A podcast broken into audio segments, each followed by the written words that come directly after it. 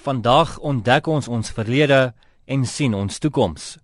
Met die woorde het adjunk president Cyril Ramaphosa vanoggend die Universiteit van Witwatersrand bedank vir sy werk om die belangrikste fossielfonds tot op hede te ontdek. These finds again underline the fact that Africa, our continent, is the home of great scientific discoveries, the home of our humanity, the home of our collective cultures as humans. On behalf of the people of South Africa, I invite the whole world to visit the Cradle of Humankind Visitor Center, where this new find will be on display for one month.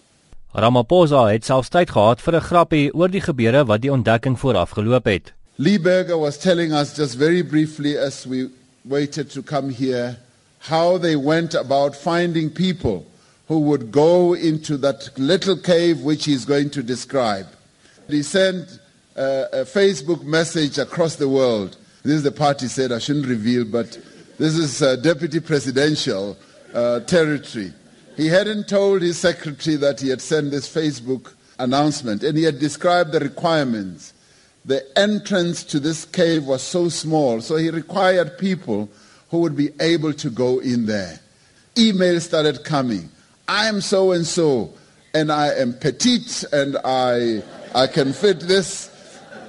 I'm five feet tall, and so forth. And his secretary rushed to him and said, Lee, what is this? What are you doing? He thought he was on some drive or doing something. Professor Lee Burger het tydens die geleentheid by die wieg van die mensdom naby Kreersdorp aan die Wesrand die nuwe spesies bekend gemaak.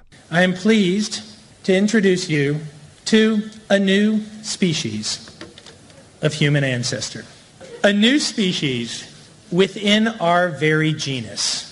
A species that we have called Homo naledi. Naledi meaning star, and the chamber we have called the Dinaledi chamber, our chamber of stars, in reference and respect to the magnificent cave system that revealed them to us. They are an extraordinary species. Known now from the largest assemblage of early fossils ever discovered in the history of our science on this continent with more than 15 individuals of all ages. 'n Lid van professor Berger se span, professor John Hawk, het die fisiese voorkoms van Homo naledi beskryf. We see a creature that has a fascinating mix of characteristics, a mix of characteristics that include some unusually human-like features. The foot, for example, is one of the most human-like aspects of Homo naledi. This foot, which was found complete in, articulation in the deposit, and the other foot evidence we have from multiple individuals shows a very human like foot anatomy, a foot that's very difficult to distinguish in many ways from our own. Their hips are like the hips of the famous Lucy skeleton, very primitive hips. Their shoulders slightly canted upwards, apparently well designed for climbing.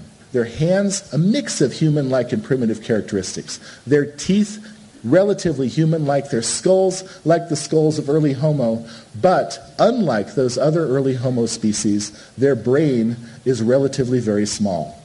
Die span het meer as 1500 individuele beenderre gevind wat aan 15 individue behoort. Dit is in 'n enkele vertrek gevind en nog meer hiervan kan ontdek word. Die hominied het glo ook menslike gebruike gehad omdat die oorledenes se oorskot op een plek gebeere is, soos 'n begrafplaas.